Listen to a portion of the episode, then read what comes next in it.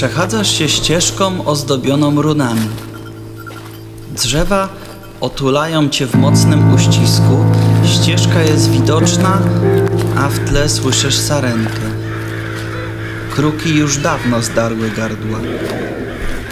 Idziesz w ten mrok, trzymając w ręku lawendę, zaś w drugiej zrzucone poroże. Mech moczy twoje bose stopy i tłumi kroki.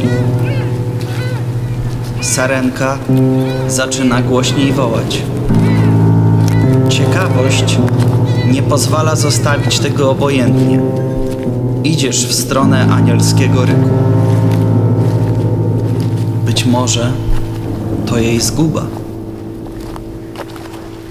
Szelest ocierających się liści i metaliczny smak na podniebieniu zdradzają ci z czym lub z kim masz do czynienia.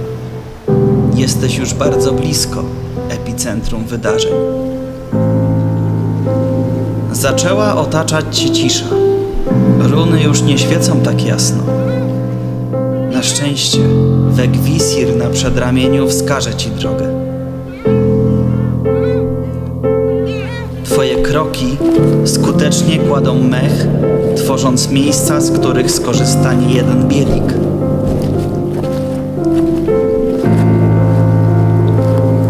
Przylegasz nagle do świerku, widzisz jak księżyc oświetla sarenkę. Odległe kroki i szum lasu wprawiają cię w osłupienie. Świerk jest teraz jedyną barierą. I w odpowiedzi na strach klei cię mocno żywicą. To, co się zaraz stanie, wyprzedza postrzeganie lasu. Poroże wypada ci z dłoni, zaś lawenda mocno ściskana wydobywa z siebie kojący zapach. Wychylając się za drzewa, widzisz jak księżycowy blask ujawnia ci postać. Trzyma sarenkę, za tylne, lewe kopyto. Błysk, jaki wydobył się podczas tej walki, rozświetlił na chwilę cały kontynent. I w tym momencie wszystkie runy również. Krzyk istoty, w której ręce została tylko raciczka, uderzył jak młot Tora w kowadło.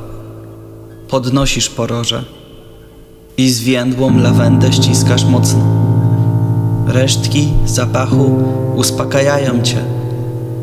Plecami przywierasz do kory i opadasz.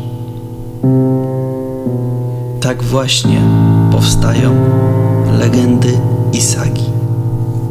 Thank you.